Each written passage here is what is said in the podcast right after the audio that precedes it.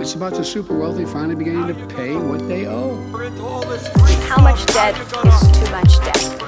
between our planet and our economy. How you gonna, how you gonna pay for it? Hej och välkomna. Det var länge sedan som vi hördes eh, av. Det här är Skokonomics. Jag heter Jenny Lindahl och jag är med, med Sandro Skocko som, jag vet inte om de har glömt oss kanske? Ja, de kanske har det. Vi har misskött en liten gnutta här, men det har varit sjukdomar och mycket att göra. Och Ja, men först annat. var det ju jullov. Ja, först var det jullov, det får man, måste Och man säga. var det, alltså, och vi spelade också in ett avsnitt som skulle släppas då, men eh, jag vet inte om man ska vara så ärlig som att säga att det blev för dåligt. Det tycker jag, det är bara... Man ska vara ärlig med självkritiken. Det var för dåligt. Jag, jag, kunde, jag kunde i alla fall inte leva med det. Jag vet inte om du, du har inte hört det i efterhand, men det är bara, det var inte bra. Vi Nej, jag hade förlitar mig på producenten. Vi hade ju inget innehåll. Nej, det låter, det låter oroväckande. Visst brukar folk tycka att det är kul att lyssna på när vi pratar. Men någon jävla gräns får det vara. Ja, men den här gången har vi garanterat innehåll. Det blir nördfest. Det blir nördfest. Och eh, det blir ännu mer om el. Eh, det har ju varit mycket el eh, i debatten. Ja, med rätta. Eh, jag själv, jag har ju varit tvungen att hänga med hyfsat eftersom jag ändå jobbar med eh, partikommunikation och, då, och, och den politiska debatten handlar om det här och liksom Vänsterpartiet håller på med det här. Men trots att jag har varit tvungen att hänga med och då sitter och läser en massa papper så tycker jag fortfarande att det är, ja, men det är ganska nördigt faktiskt. Ja, el är sjukt komplicerat. Eh, och mer än så än det behöver vara, vilket jag kommer försöka leda i bevis. Eh, men det är väldigt komplicerat system vi har riggat, eh, helt enkelt. Och förstå alla de här komponenterna som liksom dels handlar om att hur vi skapar el. Det vill säga att någon måste ju göra någonting för att det ska bli el. Va? Det vill säga vindkraft, eh, vattenkraft, kärnkraft och sitta på motionscykel. Det är så vi jobbar här. Ja. Eh, eh, Så blir vi lite andfådda så är det därför vi håller på att trampa väldigt mycket för att hålla igång datorerna. Utrustningen skulle dö direkt annars. Ja, exakt. Ehm, nej, och sen är det ju liksom hur man ska transportera elen. Ja. Och i framtiden mycket mer också naturligtvis hur vi ska lagra elen. Så att det, det är liksom stora bitar. Men sen är det ju också hur vi organiserar prissättningen på elen. Alltså vad har vi för system för att prissätta den här liksom, tjänsten som är, är då el. Va? Och hur ser vi på den rent eh, faktiskt närmast filosofiskt. Vad, vad är det för produkt? Va? Och sen har vi hela den här liksom, komplicerade massan av att EU håller på och pillar på elen. Och, och jag var ju väldigt engagerad i bostadspolitiken en gång i tiden. Och där är ju också mycket EU. Och, så att systemet har ju blivit sjukt komplicerat att faktiskt förstå alla beståndsdelarna och hur de hänger ihop och vad man kan göra och inte göra. Systemet är liksom en slags blandning av marknad och planmekanismer. Alltså att man har, det, det, är politiskt, alltså det är ett politiskt reglerat område, men som är liksom väldigt marknads och privatstyrt, eh, styrt, eller vad man ska säga. Ja, och det där skulle jag säga är en av de mest fundamentala frågorna. Alltså, det det är ju den fråga man egentligen först måste ställa sig. Alltså, vad ska man säga, tongivande nationalekonomer älskar ju oftast att marknadsutsätta allting. Men, I alla du- fall förr, det börjar ju vända, men Ja, inte i Sverige Nej, tyvärr. i Sverige I, I. Sverige är det rätt stabilt när det gäller tongivande eh, ekonomer. Och nu vill jag verkligen säga det. Det finns ju naturligtvis massa andra ekonomer som har andra uppfattningar. Men jag talar verkligen om dem nu är inte de här och kan försvara sig. Nej, men nu, tal, nej, precis, men nu talar jag om de tongivande. Ja. Liksom. Eh, Om det liksom någon slags doktrin i, i, på de stora svenska Ja, institutionerna. det och som i Sverige skulle ses som paradigmet. Ja. Liksom. Men utomlands har det ju hänt fruktansvärt mycket på det här området. Men som inte riktigt har kommit till Sverige än skulle jag säga som diskussion. Liksom. Men, så att tittar man på liksom just nationalekonomin, vad de egentligen ställer upp för kriterier för vad som ska vara en marknad.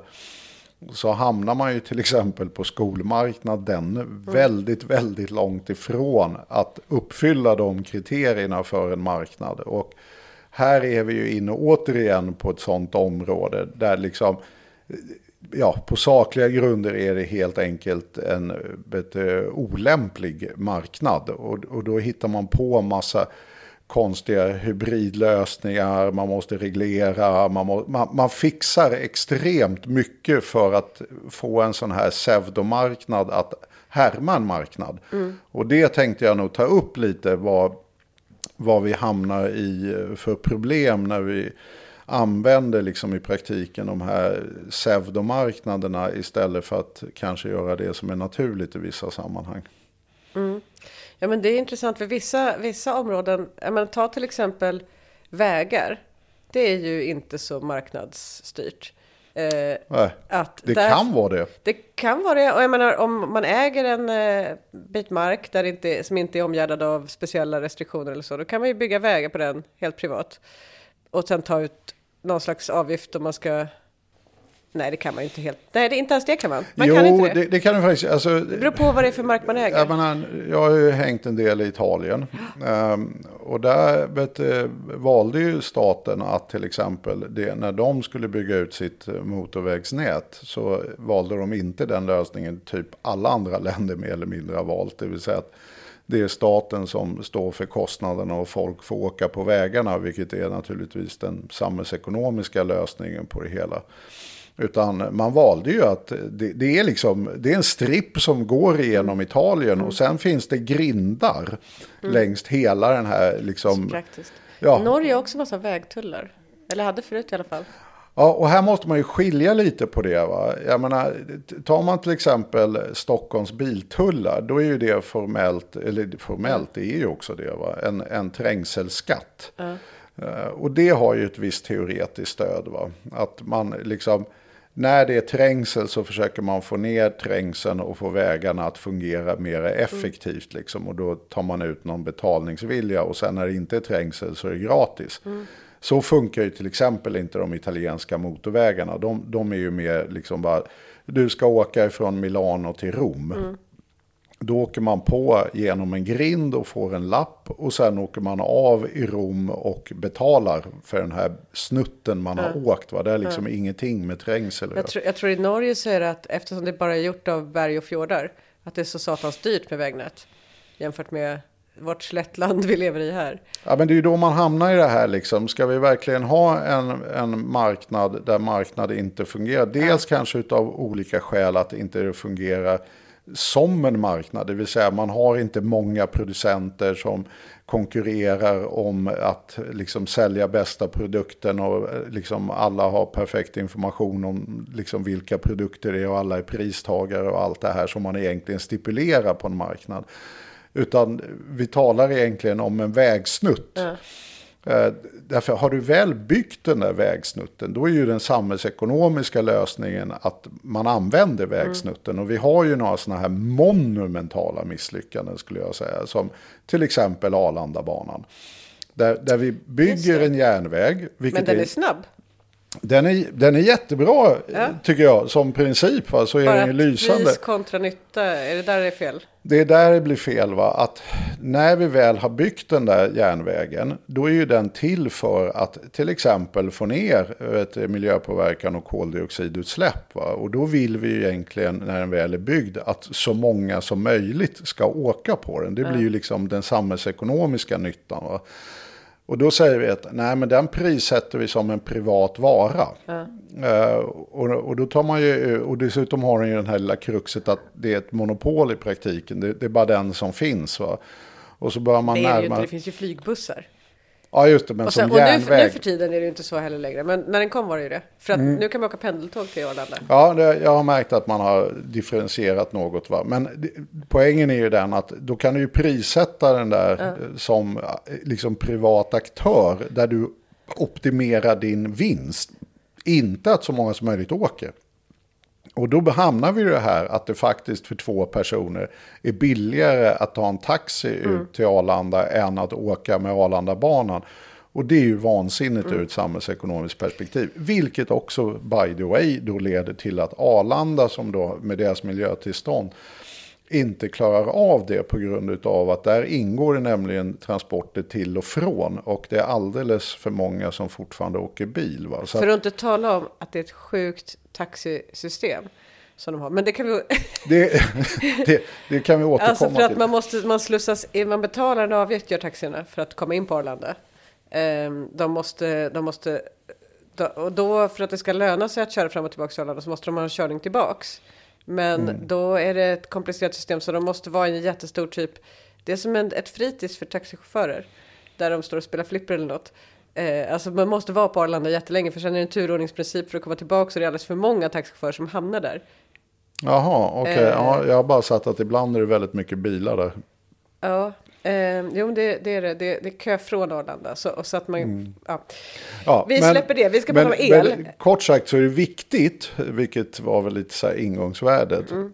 Att man funderar på vad är det för produkt och är den lämplig för marknad? Världen Exakt. är inte så enkel som att allting är jättebra om det är privat och marknad, utan det kräver en del fnulande om, är, det här verkligen den här lösningen vi vill ha här? Ja. Jag menar, vissa grejer tar vi som självklart att det ska vara politiskt beslutat Mm. som vart det ska gå vägar. Eh, och hur tjocka vägar, hur breda vägar och Mm. hur många och så. Andra saker tar vi som självklart ska vara marknads, eh, som till exempel hur mycket kiwi vi ska importera. Eh, eller persika. Det tar vi inte politiska beslut om. Jag har en sjuk fäbless att alltid hänvisa till mikrovågsugnar, men det, jag vet inte. Ja. Ja, men vissa produkter är helt enkelt... Det, är liksom, det finns ingen anledning att bestämma det. Nej. Utan det kan efterfrågan få styra. Ja. Och eh, importörers nycker. Eh, Ja, och där inte minst många bolag konkurrerar Ja. om att göra bästa produkten. Och Ja. då, då skapar ju det liksom en situation där de som har hittat på den bästa produkten eh, får ett övertag, alltså det som man då brukar kalla för innovationer. Eh, och sen så kommer andra på andra grejer och då får man ju liksom den dynamiken man är ute efter. Arlandabanan är ju inte jättemycket dynamik va? Det är ju liksom ett tåg som går fram och tillbaka. Och, Nej, men ja. alltså både el och tåg har ju samma eh, principer på något vis. Alltså att det kräver fasta infrastrukturinstallationer som måste byggas. Eh, det är en samhälls, eh, alltså det är en produkt som vi behöver i samhället.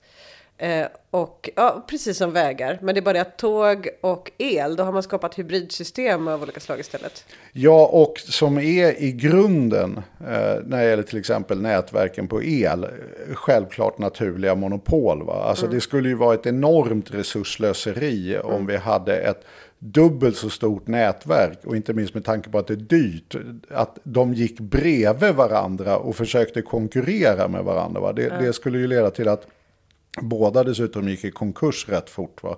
Och det är ju naturligtvis likadant med egentligen tåg. borde det här gälla mobiltelenät också, men det är också en annan. Det är onödigt att vi har flera mobiltelenät. För Ja. allihopa kräver varsin infrastruktur. Ja, och det, det finns ju liksom lite sådana aspekter på att när, när blir det plötsligt möjligt egentligen rent fysiskt att egentligen ha många olika producenter utav samma vara. Va?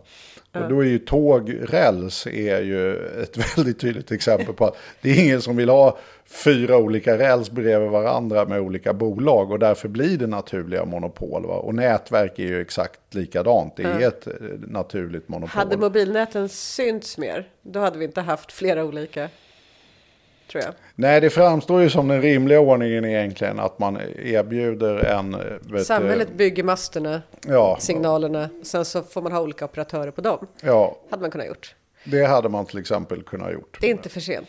Men eh, vi, så här, för att komma in på elämnet eh, så tänkte jag bara först också säga att jag, jag frågade ju, eller Skok- Skokonomics-kontot på Twitter frågade vad vi skulle prata om. Och vi fick ju 50 förslag typ. Nej men vi fick jättemycket förslag. Jättemånga bra förslag, stora och små och så. Eh, men vi är bara intresserade av el. Ja, men just nu är det faktiskt en av våra stora framtidsfrågor. Det Jag är, vet. Eh, Det är liksom helt plötsligt, det här är sån här dark horse i politiksammanhang. Att eh, man vet aldrig vilken fråga som seglar upp. Det kan vara någon helt oväntad och så blev det el. Ja, och, och det var ju liksom egentligen lite udda initialt. Va? Alltså, För därför- innan du börjar vill jag bara säga att Ja. vi återkommer ju till de här andra ämnena och pr- pratar om vilka vi ska, så att inte folk känner så här, åh nej, jag skickar in mina förslag och de vill ändå bara prata el hela tiden. Eh, eller bostadspolitik eller holländska bostadspriser. Ehm, Nej, vi lovar att vi ska Vi kommer återkomma att- till listan. gå igenom det och prata om några av dem i alla fall. Eh, Men eh, det var så mycket bra förslag också och då kräver ju många av dem lite inläsning och eftertanke och så. Det gör ju det. Så nu är det bara el. Nu är det bara el. Eh, och det tycker jag känns ändå hyggligt motiverat. Därför det, det jag märker i den här diskussionen som har varit så råder det ju en eh, betydande förvirring både kring ingångsvärden, vad är det vi diskuterar och vad liksom är de olika positionerna och vad är liksom fakta i målet. Eh, och, och därför känns det liksom rätt angeläget att försöka sortera ut lite de delarna. Positionerna, vad är fakta och vad sa du först? uh, ingångsvärdena. Alltså Ja, vad, just det. är, vad är det vi egentligen diskuterar så att säga. Eh, och, och här tycker jag att det är smidigt, alltså därför det här är en av våra stora framtidsutmaningar. Alltså vi, vi ska göra någonting som vi nästan gjorde på 60-talet. Men det är snart, eh, liksom, eh, ja det är mer än 50 år sedan. Va? Det men det var ju under 60 till 70 där någonstans. Va? Så att för 50 år sedan ökade vi kraftigt vår elproduktion. Uh, och vi hade någon liknande surge liksom, när det gäller utbyggnad i början på seklet när industrin drog igång. Och sådär. Men där, och, det, och det här är ju liksom lite udda därför att den allmänna bilden har varit att vi blir faktiskt mindre elintensiva som nation. Så att säga. Så att elfrågan har varit lite halvdöd i 50 år. Det är så här, ja men vi har ju byggt ut vårt elsystem och det är ungefär det här. Varför blir vi mindre elintensiva? Ja men det är ju massa, alltså dels så blir vi ju mindre så att säga beroende. Det sker ju en skiftning i det vi kallar för strukturomvandlingen. Va? Alltså vi går emot mer tjänsteekonomi. Och tjänster liksom konsumerar mindre el än vad industri Ja, gör. fast va? jag tänker också att en, eh, eh, 90% av de tjänster jag konsumerar Mm. sker ju via servrar och datorer etc. Ja, och där har vi ju en ny Det är ganska elintensivt. Det, precis, men det beror lite på faktiskt var den där hallen ligger någonstans. Va? Eh, Men några vi- ligger ju i Sverige. Ja, exakt. Så att vi har ju en hel del el nu som är relaterat till allting Facebook som... och ja, så. precis. Va? Så att, eh, och, och anledningen till att de etablerar det här är ju att vi har relativt billig el. De där servrarna drar ju magiskt. Jag såg någon uppgift där. Alltså jag ja, tror- Mindre stad sådär modell. Jag, jag tror många klimat, oh, klimataktivister där ute eh, har noll, alltså inte klimataktivister, men alltså så här, klimat, om man tänker så här, man kanske sopsorterar, man kanske Mm. inte åker bil, man kanske avstår från en semester, men man begränsar överhuvudtaget inte sitt YouTube-scrollande. För att det är faktiskt sjukt elintensivt. För att Det- inte i din dator, men i en server. Alltså det att hålla igång de servrarna är... Ja, jag hoppas dessutom inga som är miljömedvetna köper bitcoins. För det är också vansinnigt Just det, elintensivt. de produceras... Men vad kul att du tog upp bitcoins, det brukar ju ja, vara ja, jag. det, var, det var ett sidospår, Det det var inte meningen att jag skulle hoppa in i det. Men, eh, nej, men alltså det, det är ju det här, va? så att vi, vi har haft en trend under rätt lång tid. Där vi per BNP-enhet, alltså vi, vi konsumerar inte mindre el, va? men ekonomin växer ju hela tiden. Och tillväxten har helt enkelt krävt mindre el, liksom, i relativa termer. Va?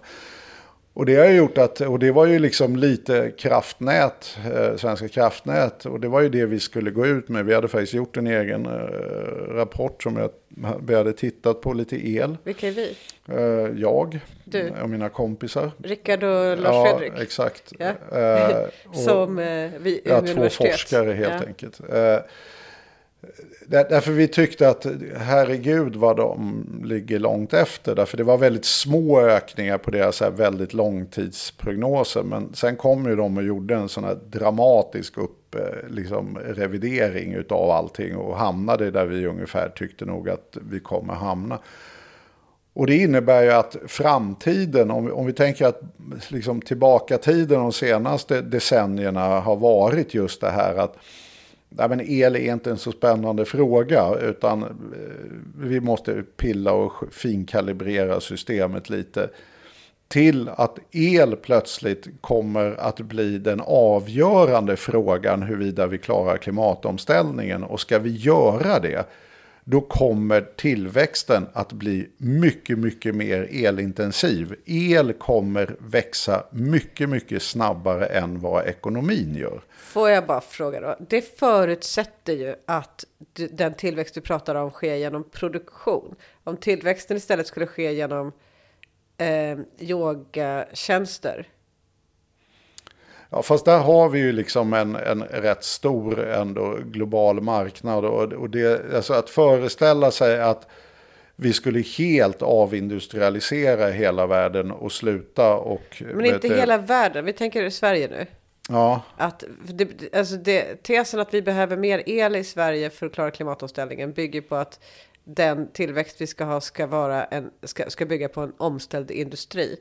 Och inte på att våran grej numera, det är de här typerna av tjänsteutbud som vi säljer till.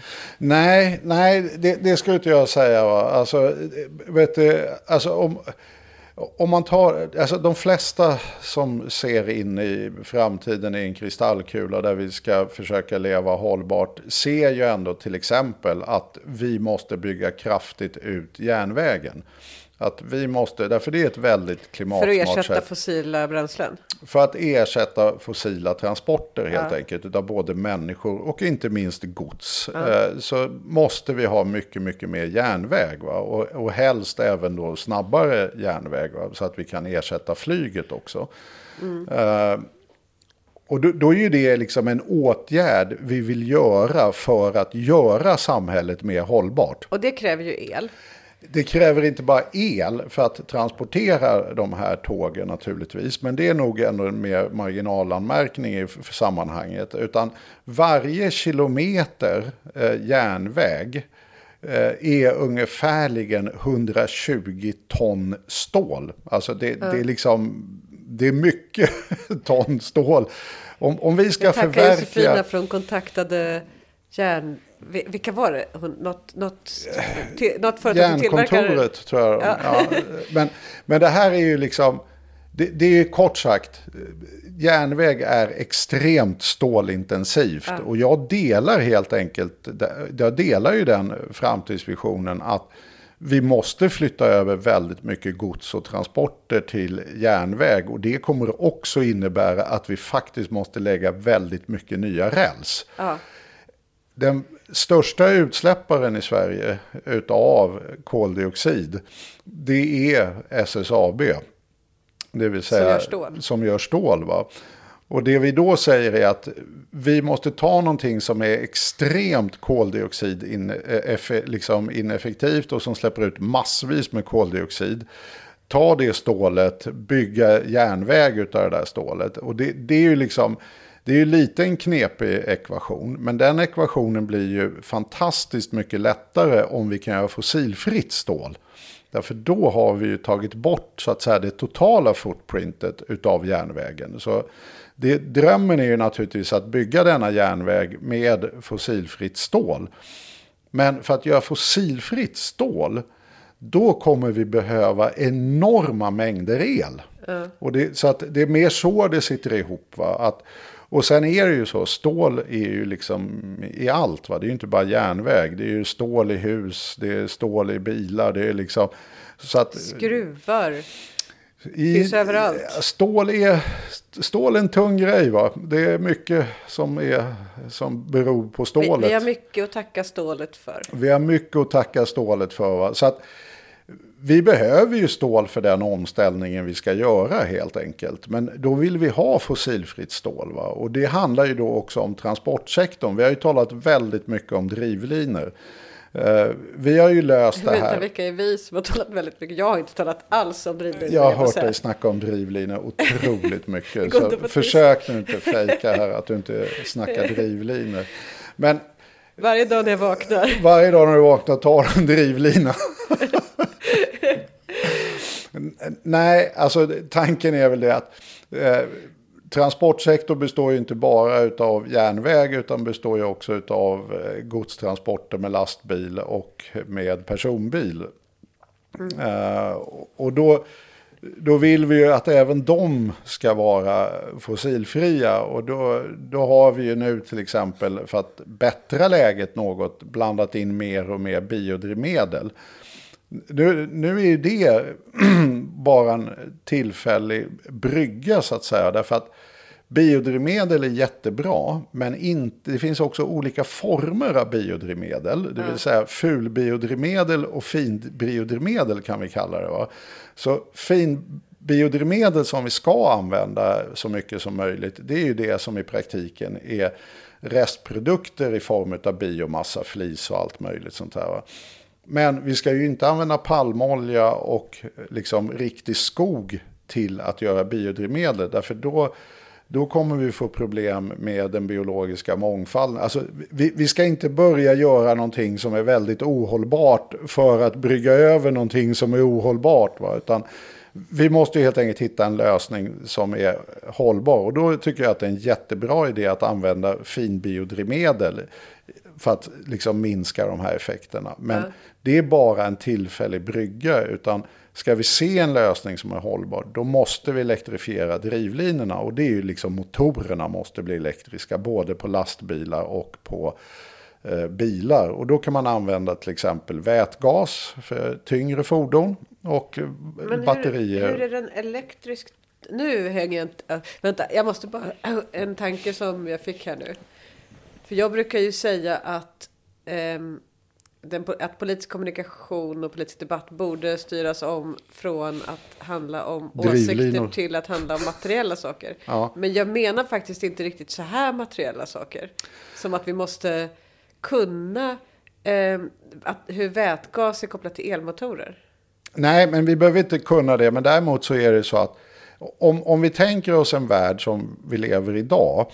Då är det ett bra första steg också. Alltså det är det här som blir komplicerat. Va? Alltså man måste se det totala footprintet utav ens konsumtion. Och Men är, går elmotorer finns det går, kan man tanka elbilar med vätgas? ja, Det visste inte jag.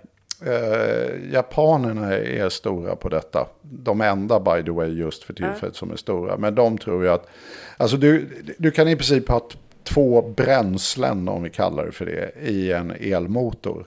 Det ena är batteri. Då är batteriet tanken. Det andra är att man har en tank. Och då har man vätgas i den tanken. Alltså jag tycker... Det låter ju snabbare att tanka. Jag måste säga att jag är rätt förtjust i vätgas som lösning. Men det förändrar inte att det fortfarande är en elmotor. Utan det är bara Men så länge bränslet som, som det är är så två. långsamt att tanka el så låter det som en bättre lösning. Det är ju det, därför då tankar du precis som en vanlig bil. Alltså byta Mm. till vätgas så skulle alla känna igen sig i den verkligheten. Man, eh, men det de framförallt fokar nu, om man till exempel, vi har ju träffat Volvos ledning och sådär, diskuterat hur, hur de ser på utvecklingen. Och det de tror jag ser nu mest är att mindre eh, elintensiva produkter som personbilar och så vidare. Där tror man att bränslet i praktiken då kommer bli, vet, eller bränslehållaren kommer att bli batterier. Men i tyngre fordon som kräver mycket mera el för att ta sig fram, lastbilar och så vidare. Där kommer man förmodligen använda vätgas som eh, så att säga tankar med. Eh, Så att det är egentligen bara två olika sätt att få en elmotor att gå. Men min poäng här är att det där är ju inte hela footprintet. Vi löser inte problemet genom att vi bara har elmotorer. Utan vi måste också ha vet du, själva bilen fossilfri. Och då är det stål och plåt som måste bli fossilfritt. Och det är ju först då det där blir en något sån här vettig hållbar produkt. När både bilen är byggd av fossilfritt stål och motorn inte släpper ut. Eh, Då hamnar man ju till slut i en liksom, eh, alltså att det inte finns några reservationer egentligen. Så länge, för om vi har helt fossilfri elproduktion ehm, och det räcker till allt det här. det är ju toppen. Det är det. Nu är det man, man, skulle nog kunna ha lite invändningar. Därför när det gäller trafiksituationen så finns det ju andra aspekter än bara klimatet. Alltså, vi har inte en sån stadsplanering att vi kan låta alla sätta sig i en bil och köra. Därför då skulle hela transportsystemet packa ihop. Va? Ja. Plus att det är ju väldigt elintensivt. Och om man är medveten om att elen kommer att bli en väldigt stor utmaning att få ihop tillräckligt mycket el till allt vi vill göra med elen i framtiden då får man nog faktiskt hushålla lite med elen. Så att det är, det är, inte en rimlig hållning att ja, men då kan alla köpa en bil, därför det kommer ändå inte fungera. Utan vi kommer att behöva transportera oss kollektivt eller använda gång och cykel i mm. högre utsträckning och så vidare.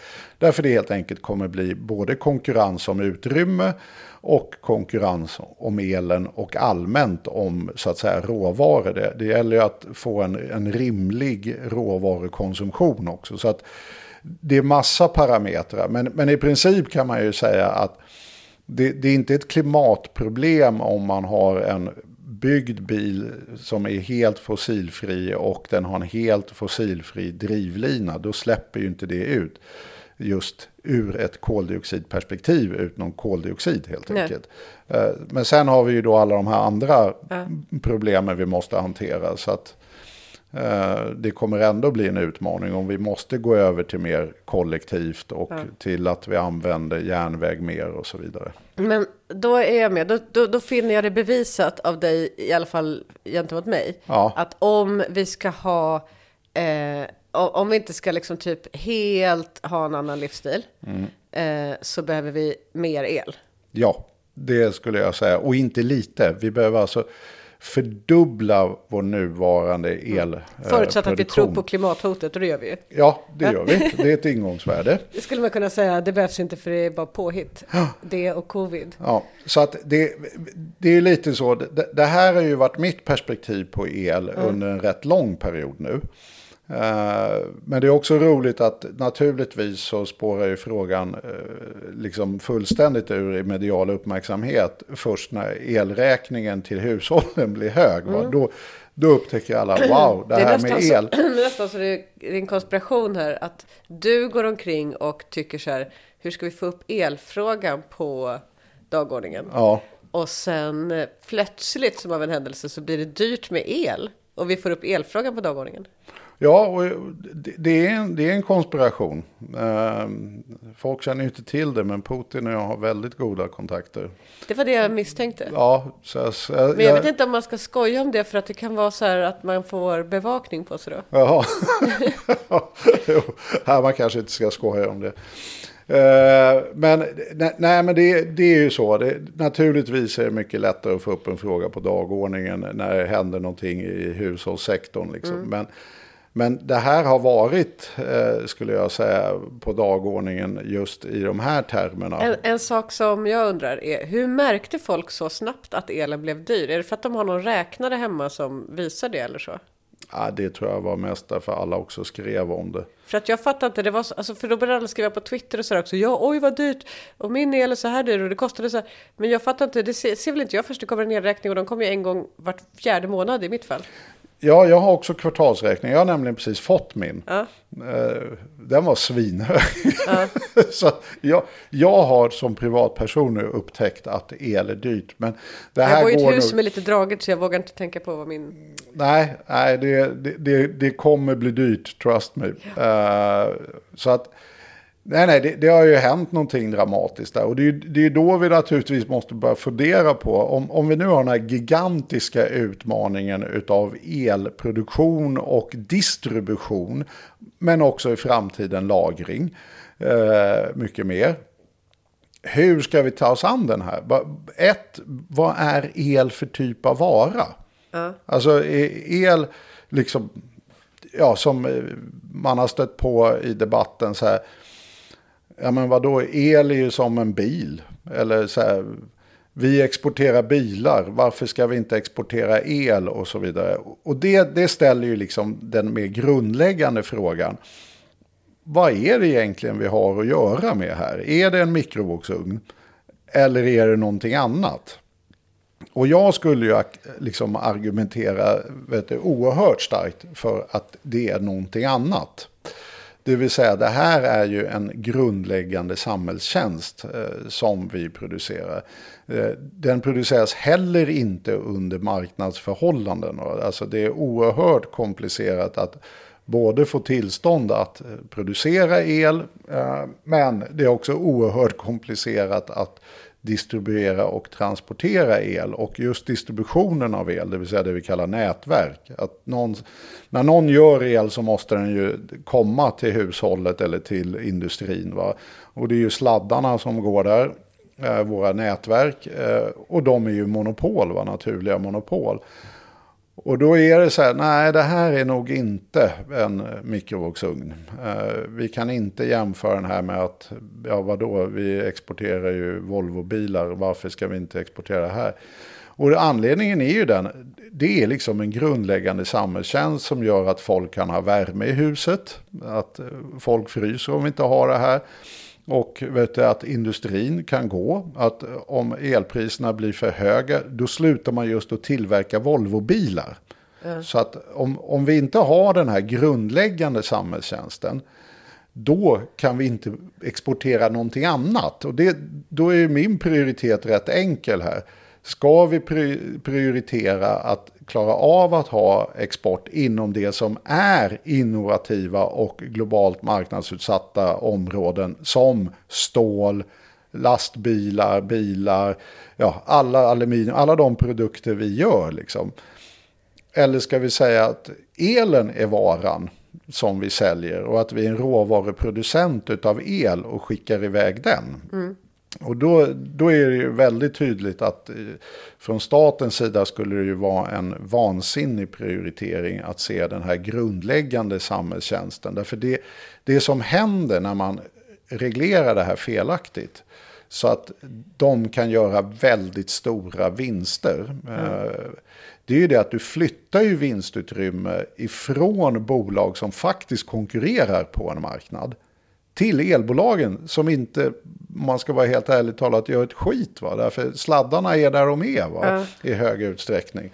Vänta, att, för, vänta så, vilket är viktigt? Elbolagen, eh, jag menar, det, det, är väl samma, alltså jag får ju räkning från samma, sam, det, det kommer i samma kuvert. Nätavgiften och... Det tror jag faktiskt inte den gör längre. Men den jo, men det är två olika räkningar. Ja, just det. Från olika juridiska personer. Alltså det vill säga två olika företag, två olika företagsnamn. Vi eh, behöver inte fastna om de kommer i samma kuvert, men du får två räkningar. Nej, men jag menar bara att det alltså, typ, eftersom de kommer i samma kuvert så tänker jag att det är lite, lite grann egentligen är samma bolag. Alltså det vill säga Fortum. Det är det i väldigt hög utsträckning. De som säljer din el, det vill säga det du skulle få en stöt av om du stoppar in fingrarna i kontakten det är samma bolag som har, liksom, har kontrollen över vet, sladdarna som går in i huset. Mm. Så att det är Vattenfall till exempel. Mm. Eh, eller Ellevio och mm. så vidare. Va? Så att, det, det, finns säkert undantag men...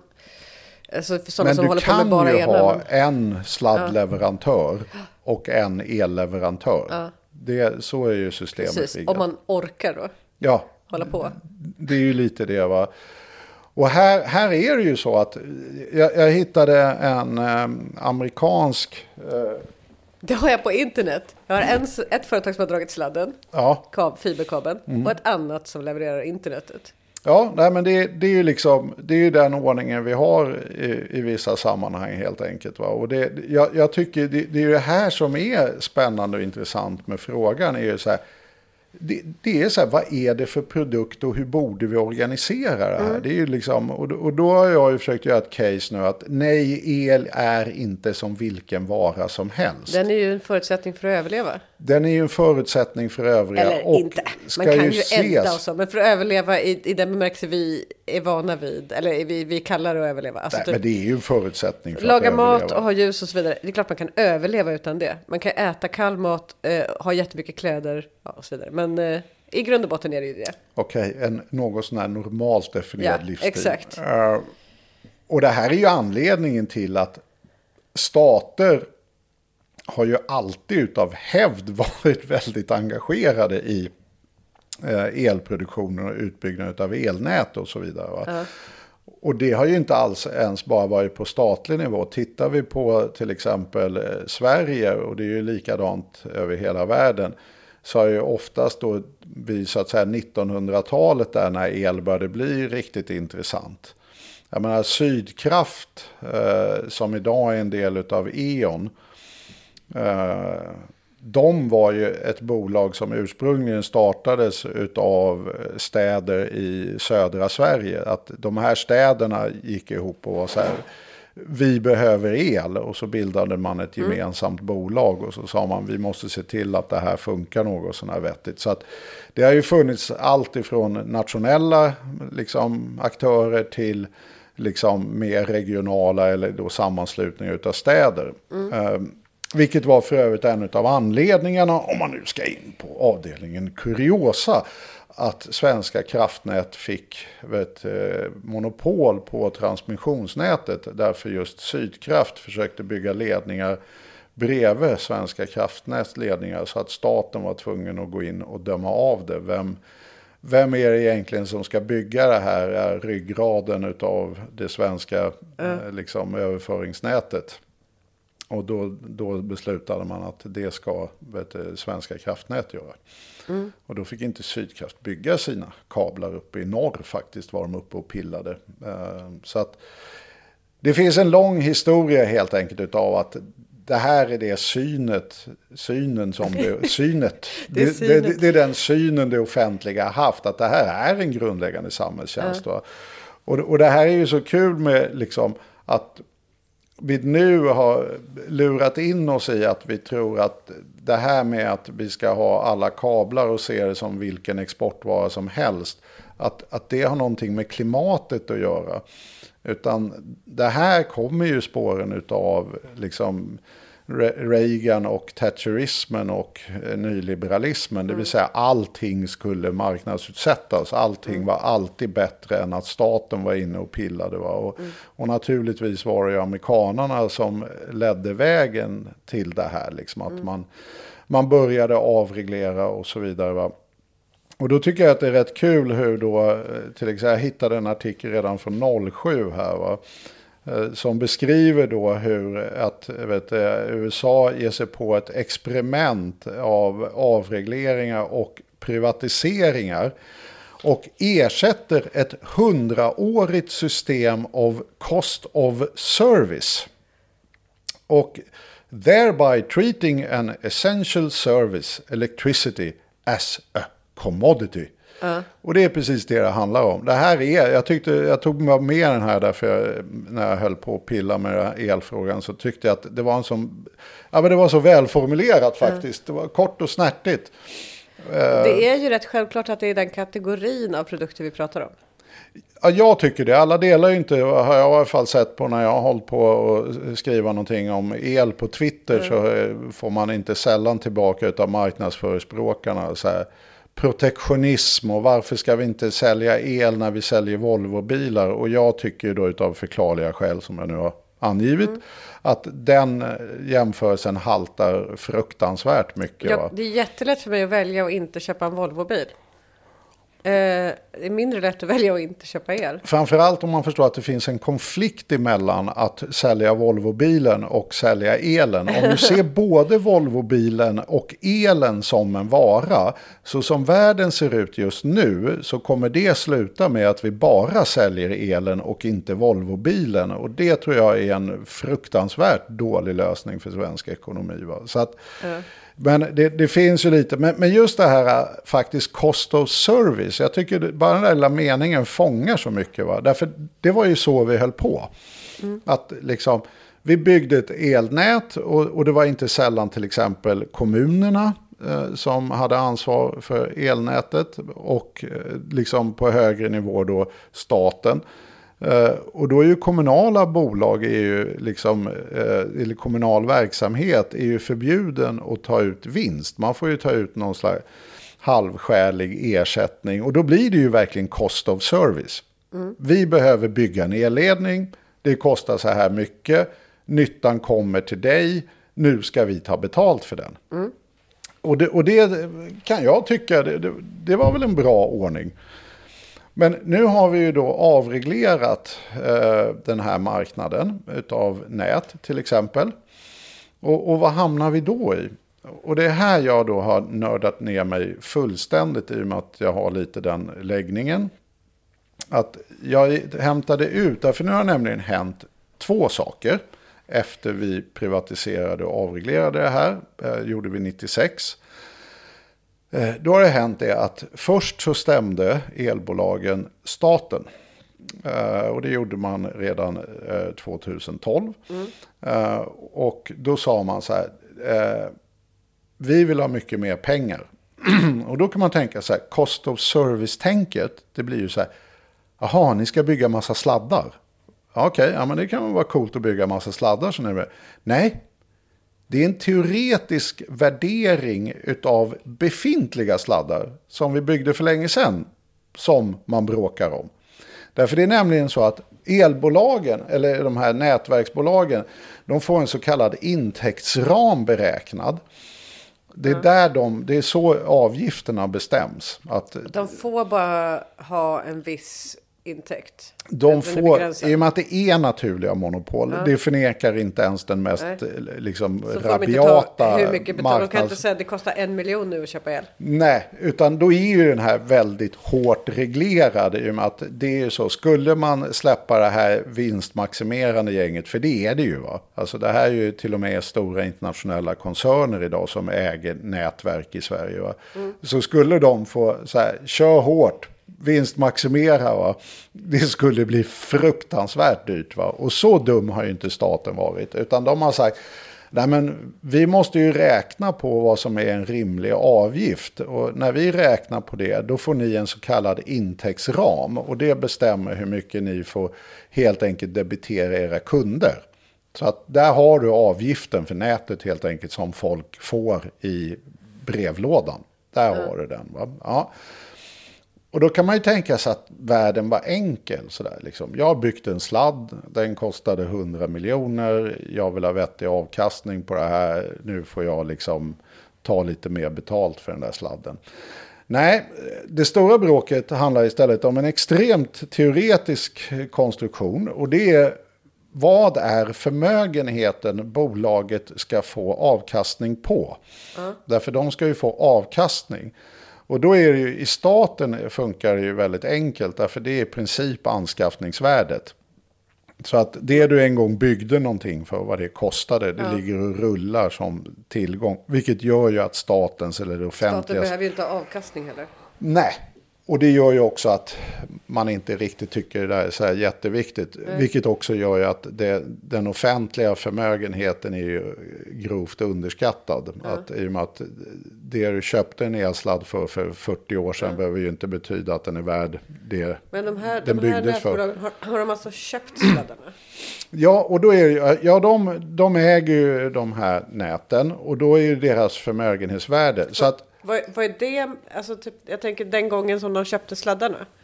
Var det på auktion, statlig auktion Ja, då? det, det där, jag har faktiskt inte därför det vart jag lite nyfiken på. Därför det som, det som rör domsluten som jag nu har tittat på. så att jag kunde inte låta bli att nörda in mig på. vad, vad, så jag gick in och hämtade Linköpings förvaltningsrätts domslut i frågan. Va? Eh, Som men- du sa till mig, läs det här lite snabbt.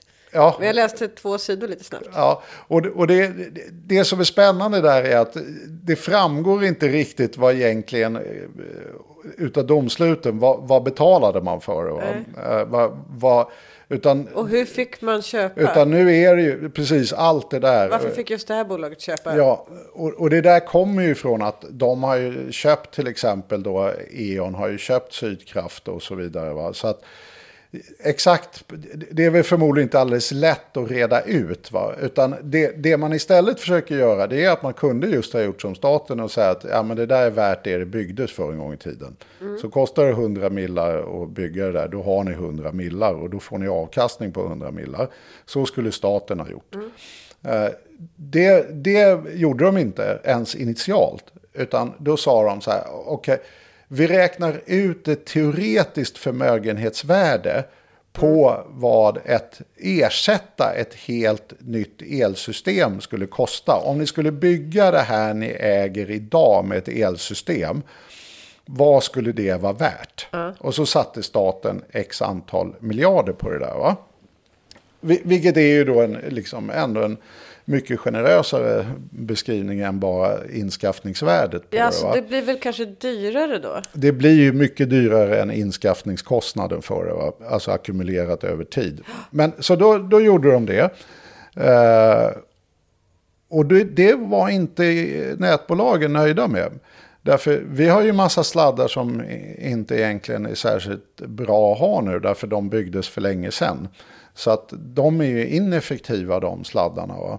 Och de äger ju vi ändå. Och då ska man tänka sig att en vän av ordning kanske skulle säga att ja, då är de ju inte så mycket värda om de är sopiga sladdar.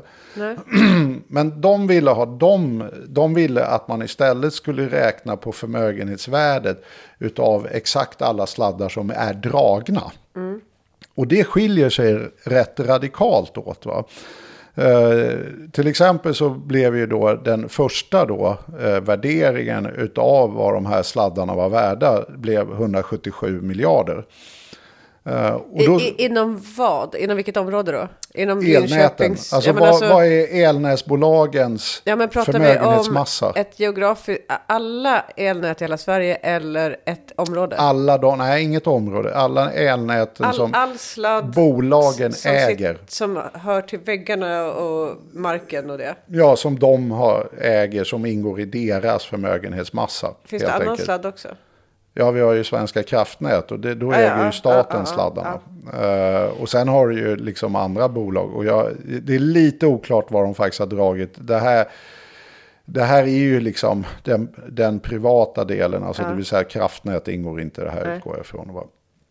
För det är ju helt irrelevant. Eh, 177 miljarder. 177 miljarder sa, sa staten att om vi skulle liksom bygga om hela systemet så skulle det kosta 177 miljarder. Så då, då får ni avkastning på 177 miljarder.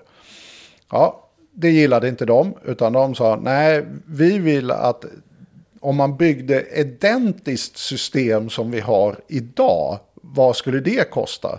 Därför det är ju som vanligt naturligtvis uppbyggt av historiska skäl. Här blev det en sladd som idag vi kanske inte skulle ha byggt och så vidare. va. Och då kom de fram till att, vet, eh, själva då, att det är värt 262 miljarder. Det vill säga 100 miljarder mer nästan än vad man ursprungligen ansåg att det var värt. Så fram till 2008 då ansåg vi att de här bolagen borde få en avkastning på vet, en förmögenhet på 177 miljarder.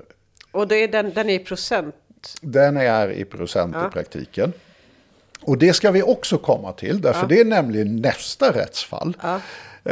Men då tar vi klart det här först. Ja, men nu är då förmögenhetsmassan som är basen som man räknar då avkastningen på. Alltså, det jag vill poängtera nu, inte en enda sladd har dragits. Nej. Alltså ingenting har gjorts. Det här är rena teoretiska konstruktioner.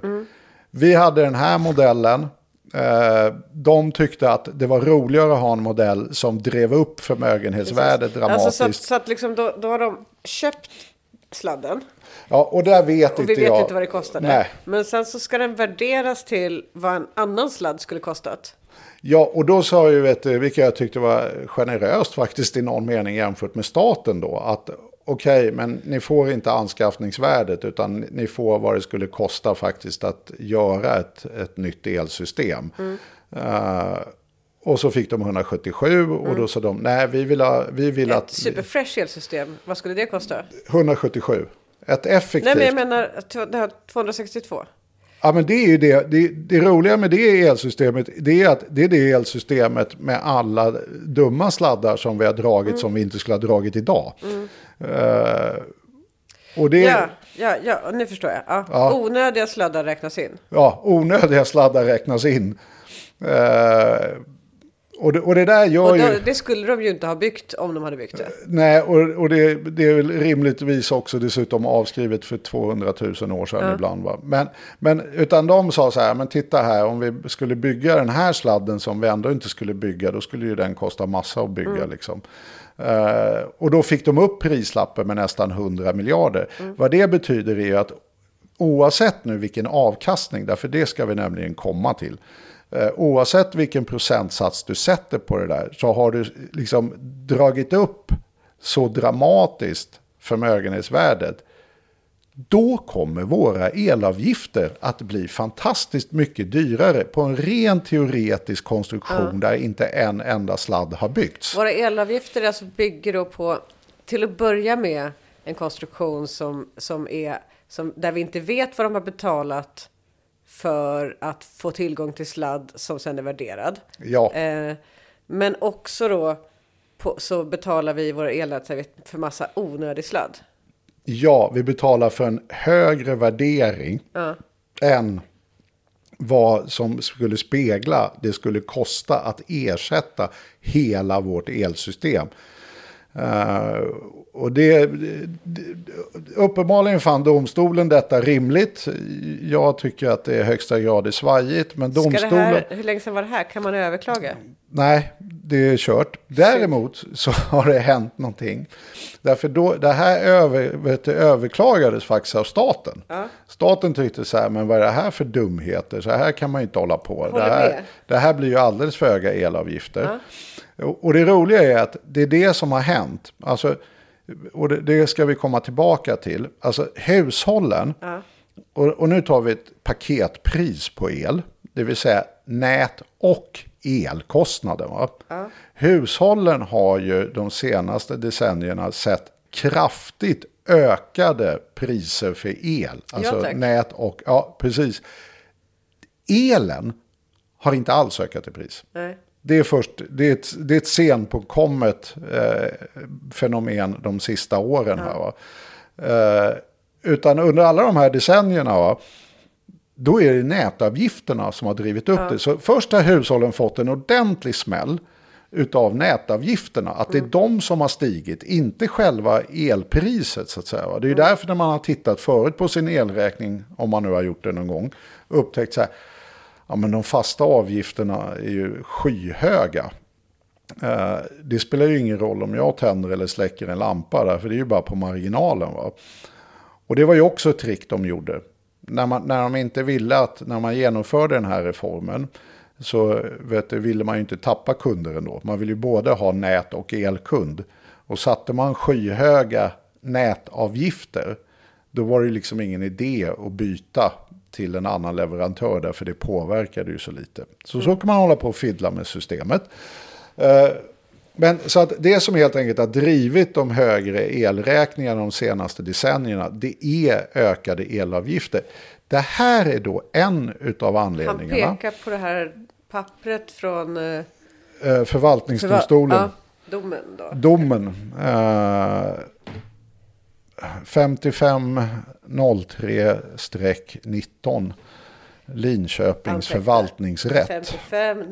5503 Det är alltså 19. målnumret. LKP för... Bra, då vet vi. När vi ska kolla Jag, upp det sen. jag, jag tycker att, ja, fast det här är ju för sig, det här är domslutet för det vi sen ska komma till förvisso. Det här är det senaste domslutet. Men Mm. det, det kan ni ändå anteckna, va? därför det visar sig ju då att det är högsta grad lika intressant. Det som har hänt nu, som vi nu har tagit beslut på, det är ju det att vi, vi vet, det som hände då var nämligen att de och, och ville med ha... vi menar i det här fallet inte du, Lars Fredrik och Rickard, utan, Nej, det är jag som eh, staten, eh, en liten sjuka utan har. det är regeringen eller? Ja, eh, i och med att de inte gillade det här så överklagar de det här. Eh, och då, under den tiden överklagandeprocesserna pågår, då får man inte ta ut de här eh, höjda avgifterna. Och det skulle ju ha varit dramatiskt höjda avgifter. Och det var inte regeringen så jätteintresserad utav. Eh, Men i och med att de här priserna nu sätts eh, för fyraårsperioder. Eh, Alltså beräkningsgrunderna för hur mycket avgifter de får ta sätts för fyraårsperioder. Eh, Den period vi är inne nu som då är återigen överklagad är ju eh, perioden 20 till och med 03. Va? Så blir det fyra år. Den här perioden hann ju löpa ut innan vet du, elbolagen fick rätt. Eh, 2008 fick de ju, liksom vart ju ärendet helt avslutat. Eh, och då insåg ju regeringen, det- här går ju inte att bara damma på kunderna. Alltså, de kommer ju bli vansinniga. va. Eh, Så att då, hitta, då, då fick man ju inte tillgång till den, för, för liksom förloppet. Det, som hade, det de hade kunnat höjt om de hade vunnit från scratch så att säga. Om inte Eller regeringen om de hade överklagat. Ja, och precis. Det som hände nu var ju det att regeringen slog fast det. Alltså det är det som kallas då särskilt investeringsutrymme för elnätsverksamhet. Det, Gav de pengarna till... Ja, Nej. Jo, jo, så att nu får helt enkelt de ta ut de 30 miljarder som det ungefär rörde sig om i avgifter får man nu lägga på avgifterna igen då som man tappade genom överklagande. Här är då omdömet. Gav eh, man dem retroaktivt? Eh, ja, det beror väl lite på hur man... Ja, alltså de får ju rätt att ta ut som- det där utrymmet som man inte kunde ta ut på grund av rättsprocesser Mm. helt enkelt. Här är det då lite kul tycker jag. Eh, här har vi ett remissvar nämligen. Alltså ni märker att jag har toknördat. Jag sitter och surnar till här på... Ja, jag med kan jag säga. Men och vi ska komma till ett ännu värre case längre fram. Eh, det är då det här särskilda investeringsutrymmet. Det låter ju återigen, och det är det jag tycker. Det låter som en investering. Jag försöker ju verkligen. Jag förstår inte hur det här är en investering. Mitt budskap är, i den här podden är förstå att det här inte handlar om sladdar. Det här är lek med modeller och siffror som gör att våra elnätsavgifter går skyrocket. Va? Därför att, och då tänkte jag det att det är alltid kul att citera Svenskt Näringsliv. Ehm, det är en förbättring jämfört med tidigare. Man har ändå gjort vissa restriktioner. Men i enlighet med Energimarknadsinspektionen och SKGS ser vi förslaget även fortsatt leder till utökade vinster för elnätsbolagen utan att åstadkomma nödvändiga elnätsinvesteringar. Det är alltså så att det är inte ett ökat ingen utrymme för investeringar. Alltså det, är här verkligen är- ingen investering. Nej men det här, alltså remisskritiken. Vi investerar i att ge bolag pengar för saker som de bara vill ha lite mer pengar för. Det är precis det vi gör. Och vi gör det på en teoretisk beräkningsmodell som bara bygger på konflikt om hur man ska värdera befintliga sladdar. Ja. Men här undrar jag ju, för nu har ju då förvaltningsrätten dömt eh, och det har överklagats och blivit dömt igen då eller? Eller strunt samma. Det är i alla fall en dom, antar jag, baserad på lag, baserad på regler som riksdagen har bestämt. Det är det som är poängen här. Va? Alltså, om, om vi nu lämnar förmögenhetsmassan, därför det, det är en av anledningarna till att våra elräkningar nu kommer dra iväg ännu mer. Va? Det är att de har det här liksom, utrymmet att ta igen de här 30 miljarderna. Nästa puck, och det är när de stämde staten igen. Och det är ju då nyligen nu. Va? Domen kom bara, ska vi se här när domen kom. Eh, dom meddelades eh, 02.26.21. Eh, så kom den ursprungliga domen då ifrån förvaltningsrätten. Och det är ju det som är då den lägre instansen för offentliga rättsärenden. Eh, Vi har ju två rättssystem. Ett som handlar mer om det privaträttsliga som är då så att säga tingsrätt, hovrätt, högsta domstol. Och sen har vi ju förvaltningsrätt, eh, kammarrätt och högre förvaltningsrätt som sköter de här ärendena när man är arg på staten eller kommunen. Och då är det ju då återigen den här intäktsramen. Och då är ju frågan mer, det de har stämt om för den här gången är hur många procent i princip ska vi få? Och då tänker man ju återigen att ja men det här handlar väl om hur mycket sladdar de har byggt och så vidare. Nej, vi är inne i sådana här väldigt avancerade beräkningstekniska modeller. Bland annat hur man ska beräkna inflationen. Eh, därför att inflationen har ju hittills varit låg och då kan man använda ett sånt där snittvärde. Att man säger att vi tittar fyra år framåt i och med att vi, vi ska alltså bestämma intäktsramen för bara de närmaste fyra åren. Och då har vi ett som tittar bakåt fyra år och framåt fyra år och sen så tar vi genomsnittet på det. Ja. Och så får du, det här kommer inflationen vara. Därför det är ju real avkastning man ska ha. Det är ju avkastning minus inflation. Så inflationen är jätteviktig och skatta här. Sen är det en annan väldigt viktig del att skatta här. Det är ju helt enkelt vilken vet, eh, kapitalanskaffningskostnad har de. Eh, Därför det ska vi nämligen betala för. Om vi säger att ja, men då skulle ju de behöva låna upp de här 200 eh, vad var det nu, 70 miljarderna. Eh, och vad skulle det kosta då att finansiera den kapitalkostnaden? Därför det blir ju då räntan på det blir ju helt avgörande vad du antar. Och här kommer vi ju till någonting som är väldigt, väldigt dålig idé för det offentliga och vi som ska betala elnätsavgifterna. Därför här blir ju egentligen skillnaden emellan en riskfri placering och gissa vad en riskfri placering är. Svenska statsobligationer. Så hade staten, om, bara det faktum att vi hade Eller bytt köpa skolor. Ja. Ja, bara det faktum att vi hade bytt liksom huvudman för det här Ja. hade gjort våra elräkningar mycket billigare. Ja. Därför då hade nämligen, även om vi hade använt de här beräkningsmodellerna nu, ett så hade vi aldrig gjort det, Nej. utan vi hade cost of service, som de här påpekade, att det hade verkligen handlat om vad kostar det att liksom bygga kablar. Och som ni märker, vilket jag tror jag försöker göra en överdriven poäng av nu, vi har lämnat verkligheten väldigt, väldigt långt bakom oss när vi försöker reglera de här monopolen. Det handlar inte som det hade gjort om det varit det offentliga som hade ägt det här, vad det faktiskt kostar att bygga kablar.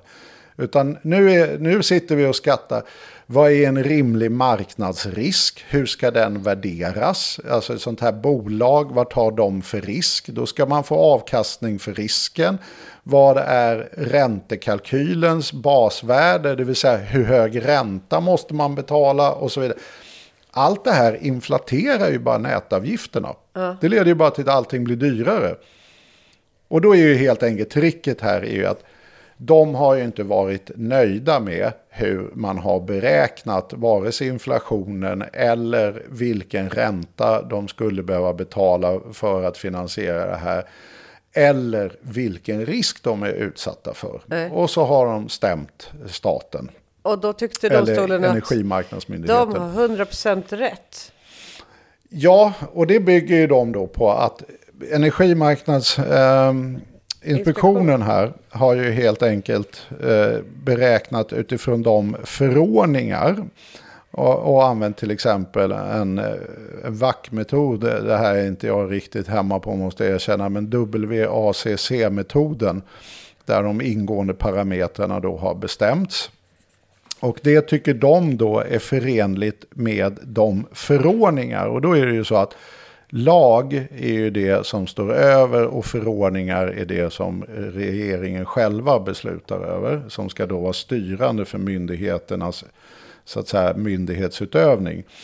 Och då har helt enkelt de funnit att de här förordningarna som, man, som gjorde att elräkningen blev lite billigare att de inte tyckte att det var förenligt med ellagen och EUs lagstiftning på områden som då har överhöghet över förordningar.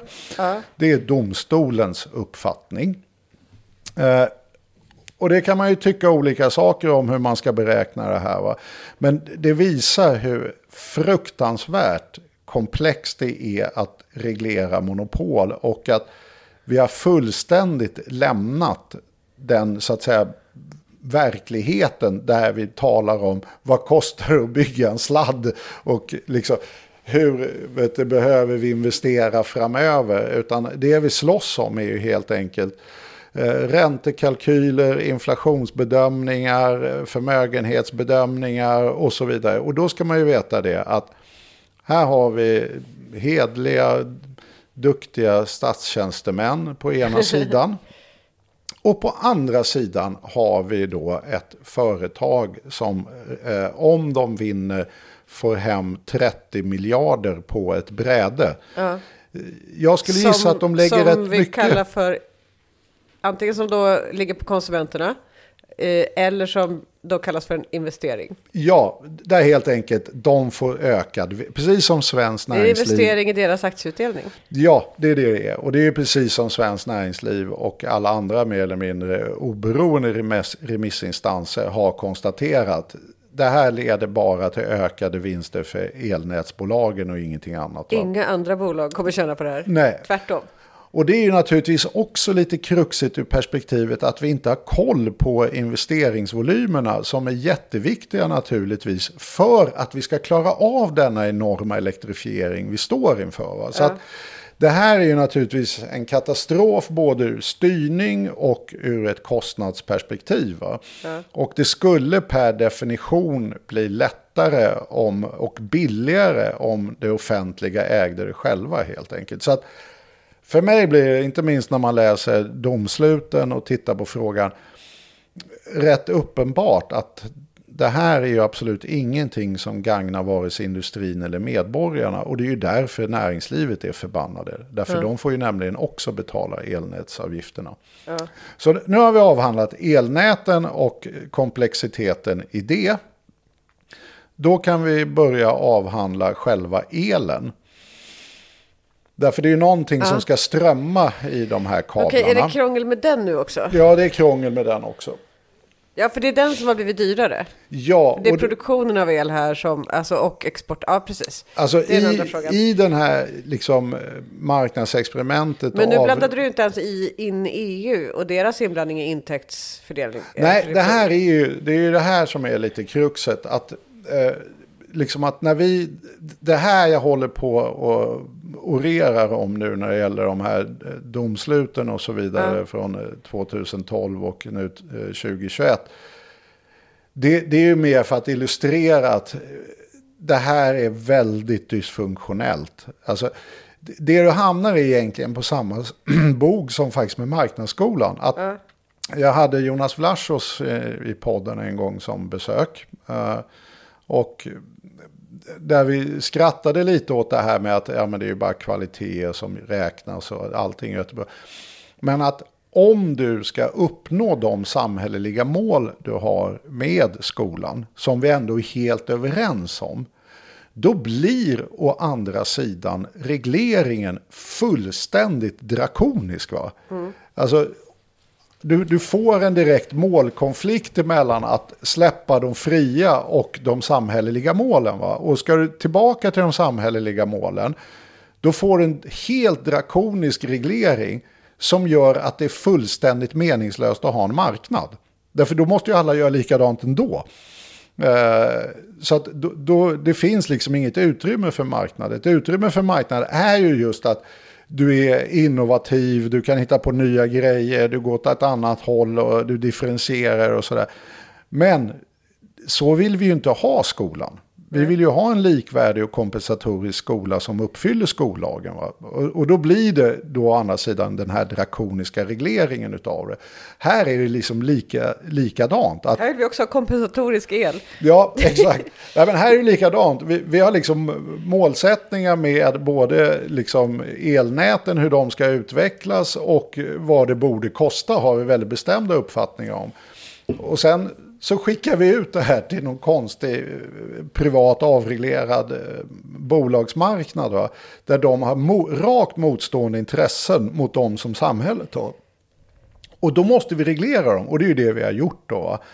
Men naturligtvis, när de vinner 30 miljarder på att hitta en annan beräkningsmodell eller hitta på något roligt om inflation eller kalkylräntor eller marknadsrisk.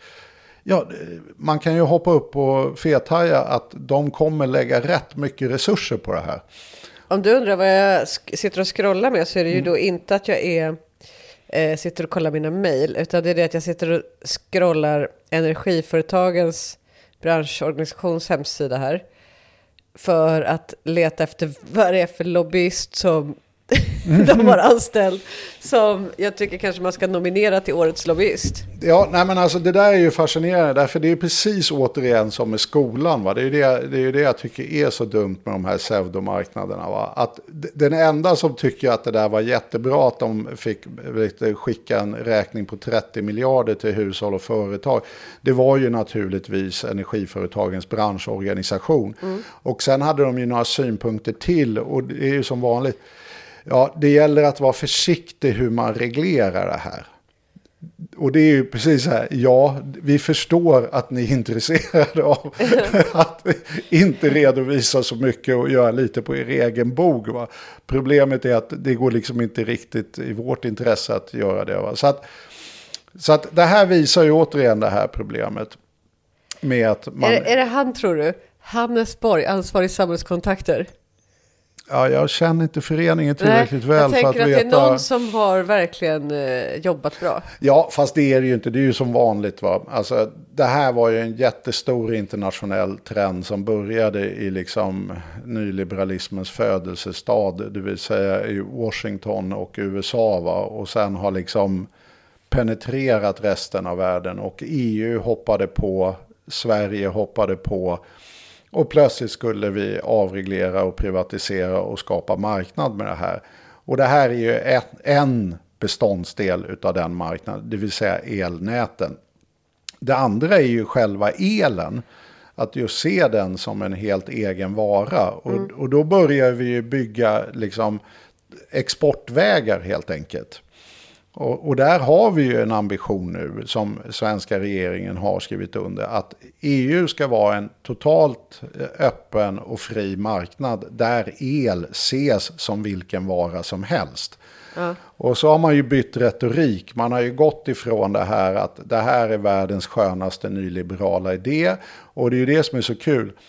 Alltså motiven är det ju aldrig liksom något fel på. Utan anledningen till att vi skulle göra det här, det var ju för att nu skulle kunderna få välja el.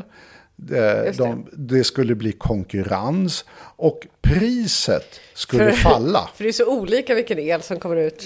Det är ju det va. Och så priset man har skulle... ju olika preferenser på vad man vill ha för typ av el i eluttaget. Ja, och dessutom så är det ju det. Den enda preferensen vi har, om man ska vara helt ärlig, är att det är lågt pris på den. Eh, Så, då, man kan ju också tänka sig att man väljer grön el och så vidare. Ja, fast det där är ju sånt där Jag vet, men man kan, ju välja, man kan ju välja att handla, att gynna en producent av grön el. Ja, men vi har i princip 100% i fossilfri el och dessutom är det ju så att man skulle kunna tänka sig, jag vill inte ha kärnkraftsel va. Eh, Men det spelar ingen roll om, om 30% av kunderna gör det va, då, då rullar ju alla kärnkraft. Ah, Alltså du, du påverkar ingenting i elkompositionen utav dina personliga val och det är ju det som är lite poängen med att göra personliga Ja. val. Att jag vill inte ha den där produkten därför den har palmolja Ja. och så slutar alla att köpa det och så kan Visst. inte den sälja längre.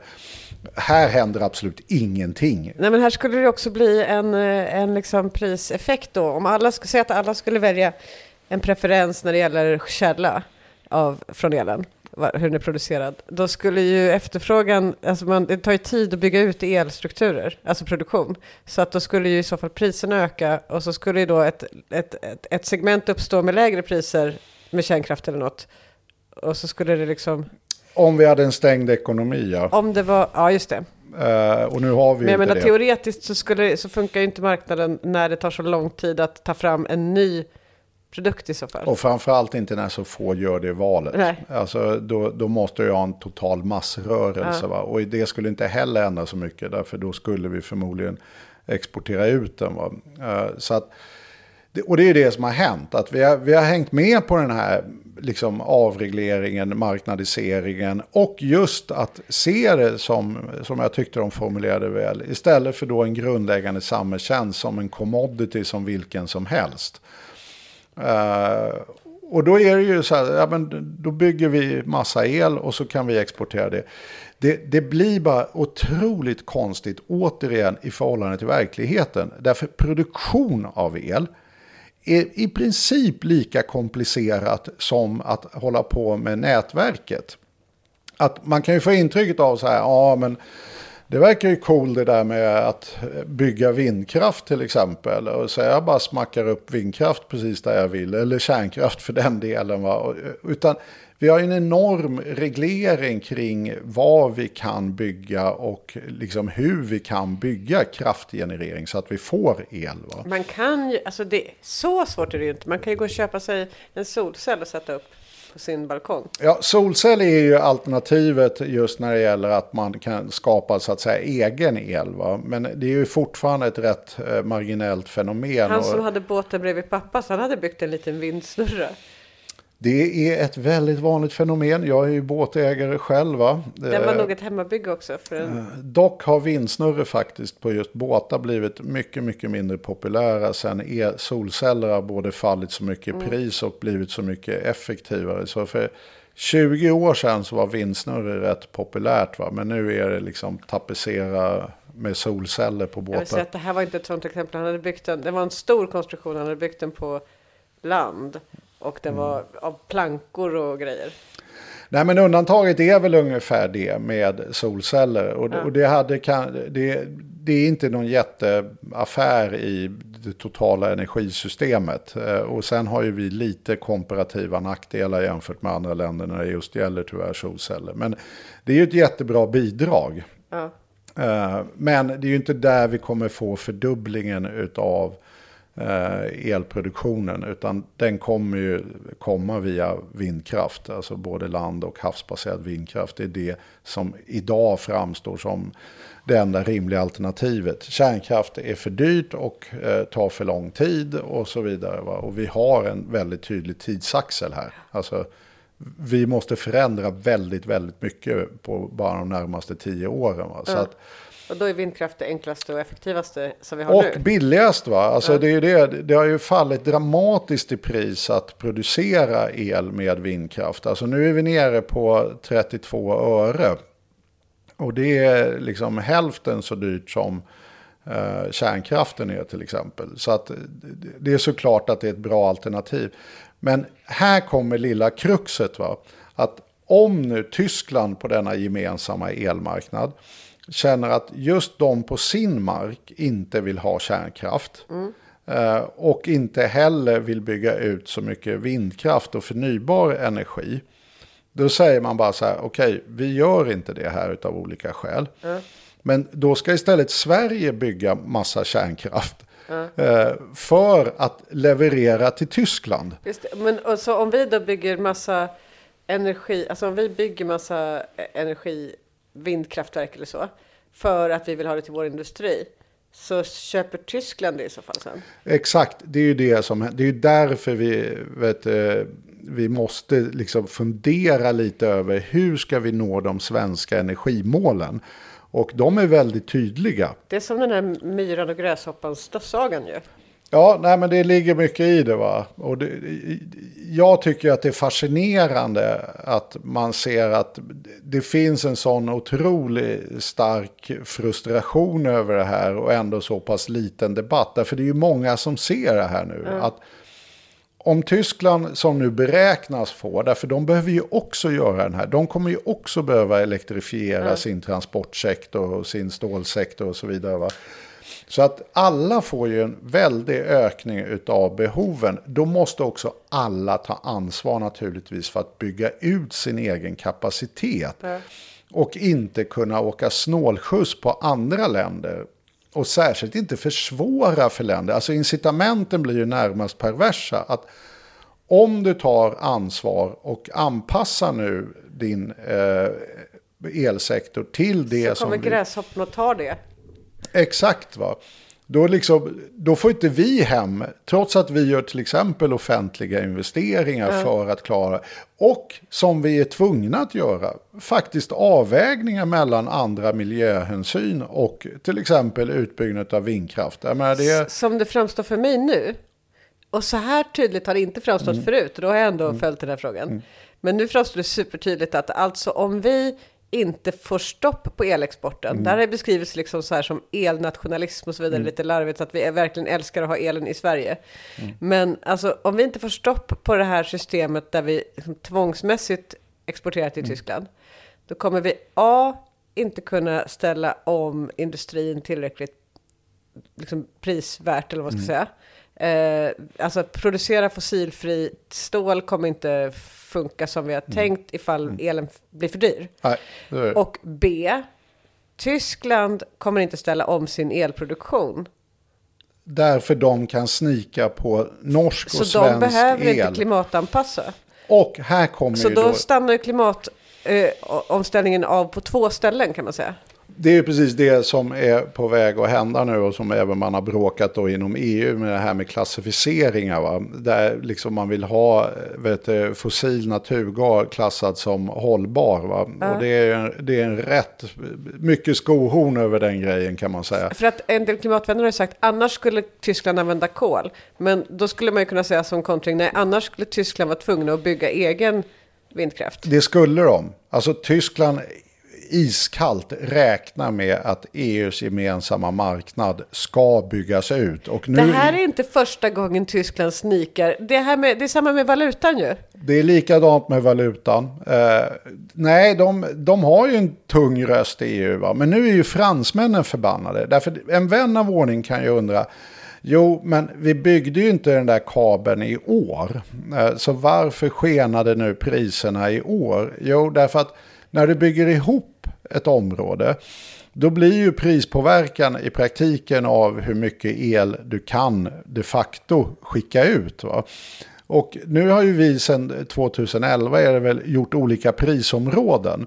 Och i södra Sverige, det som är prisområde 3 och 4, de ligger ju nu väldigt nära helt enkelt den tyska prissättningen. Eh, och, och då är ju det som har hänt är ju det att den tyska energikompositionen, Eh, det vill säga vad, hur de producerar el, är att de har inte släckt ner sin kärnkraft och sen byggt upp det förnybara.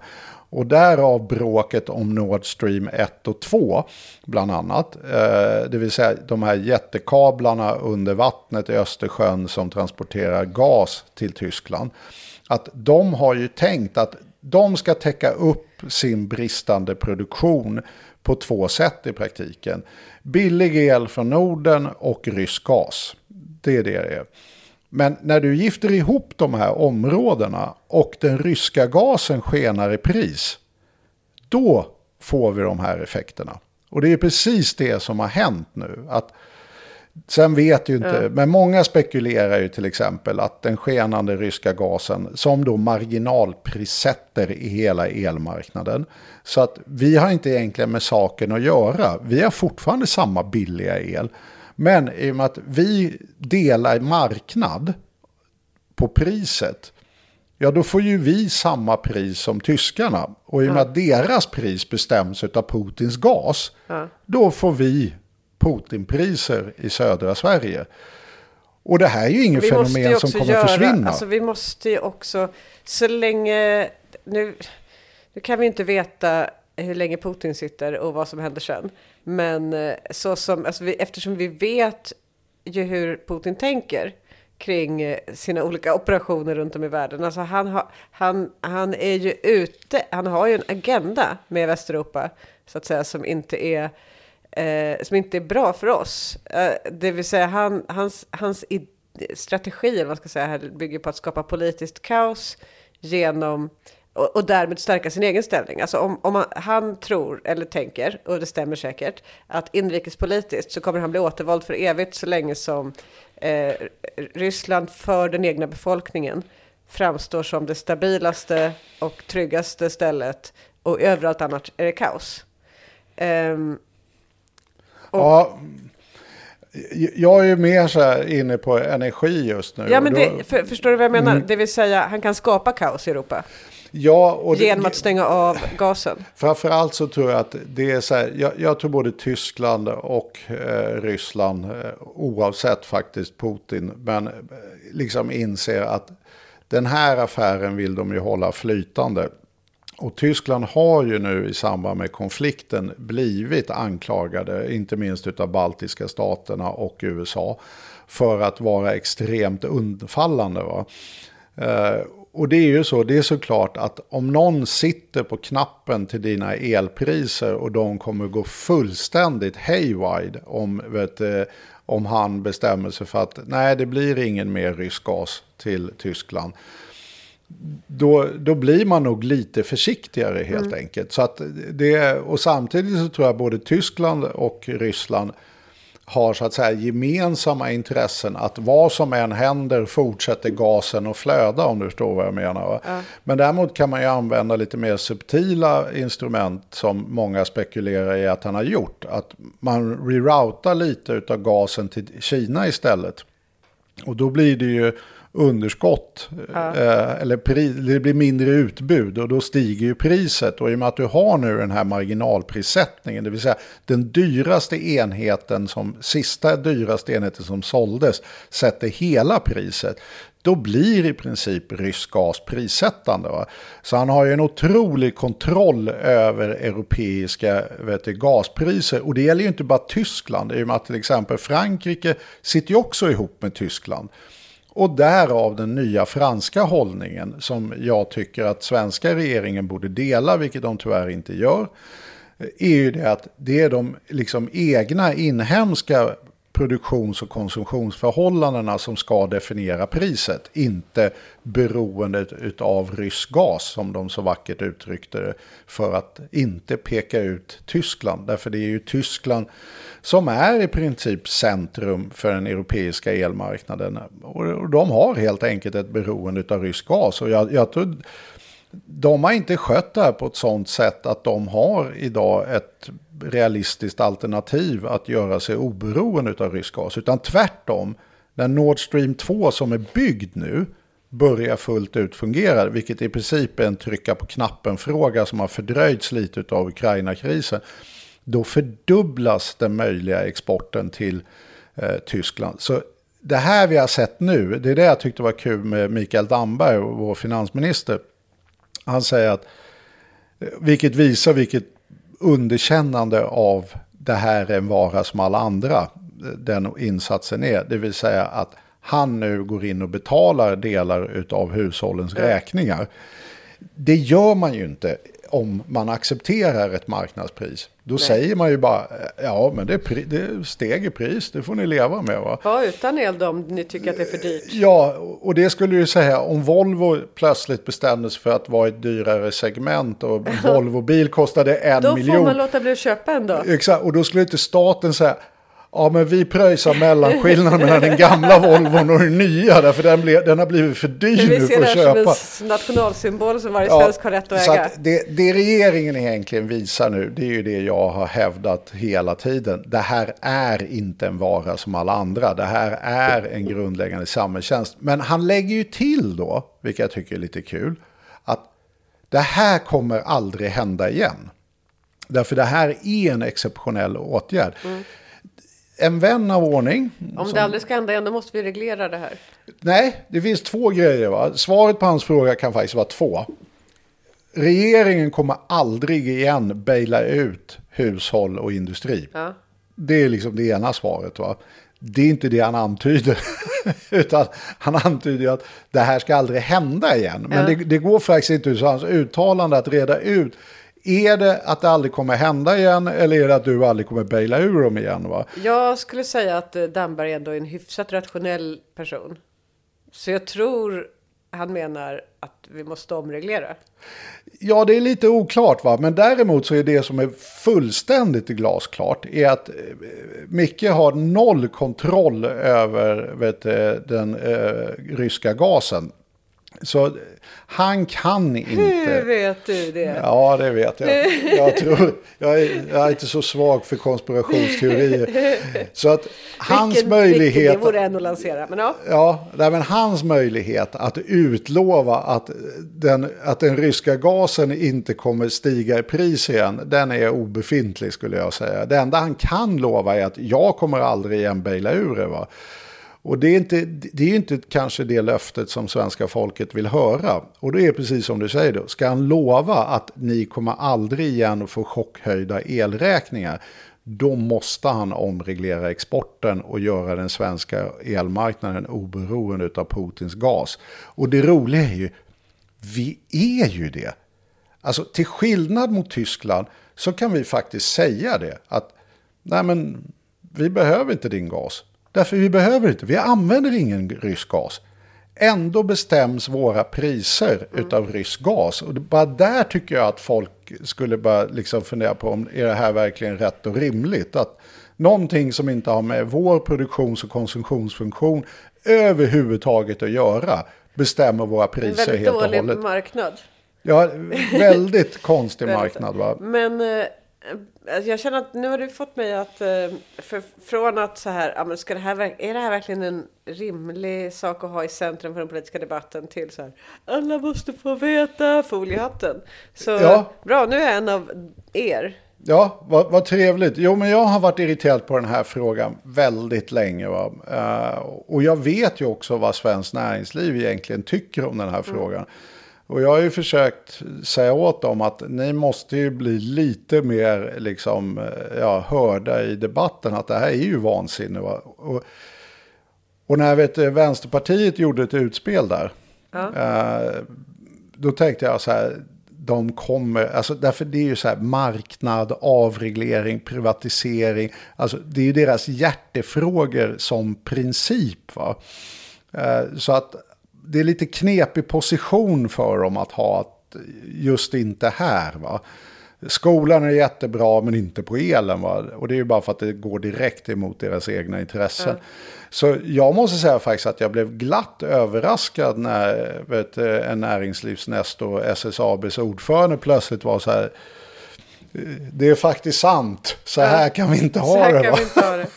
Uh, och det är ju väldigt tydligt utav deras remissvar också. Här, grejen är, de vet om det här. En riktigt bred politisk allians finns det möjlighet till här. Det finns en möjlighet till, alltså svensk Vilket industri. Vilket kan behövas bli superkomplicerat att fixa till det här. Det är ju det va. Och det är ju därför det inte heller går att säga när någon säger så här, ja men vad är Alexanderhugget? Ja, Alexanderhugget är ju ett, bygg inte ut fler kablar. Vi har tillräckligt med överföringskapacitet för att ta hand om alla överskott och underskott vi kan möjligtvis tänkas få behovet av.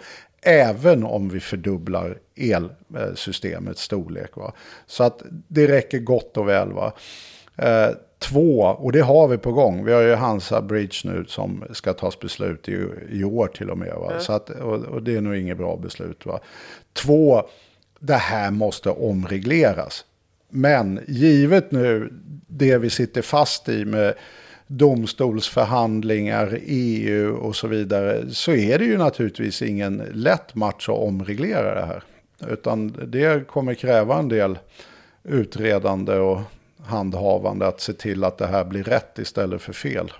Då kan det mycket väl hända att vi återkommer till elen i podden, men förmodligen inte nästa gång, utan då kommer vi väl välja kan, då kan, vi kan ju fundera på att kolla på alla ämnena då som folk har skickat in. Ja, men det tycker jag. Nu känner jag faktiskt att jag har fått ur mig min elångest och mitt nörderi kring och det här. Och överfört det till mig. Ja. Så tack så mycket för det och eh, tack alla som lyssnar. Vi hörs om ett par veckor. Tack och hej. Hej. Electricity is neutral. It doesn't want to kill you, but it will if you give it a chance. Electricity wants to go home and to find a quick way to get there. And it will. Electricity is always homesick. It is lonely. But it is also lazy. It is like a hillbilly with a shotgun and a jug of whiskey, gone mad for revenge on some enemy. A fatal attraction for sure. But he won't go much out of his way to chase the bugger down if ambush looks a lot easier. Why prowl around to make a spectacle of yourself when you can lay in wait under some darkened bridge and swill whiskey like a troll full of hate until your victim appears? Drunk and careless and right on schedule so close that you almost feel embarrassed about pulling the trigger. That is how electricity likes to work.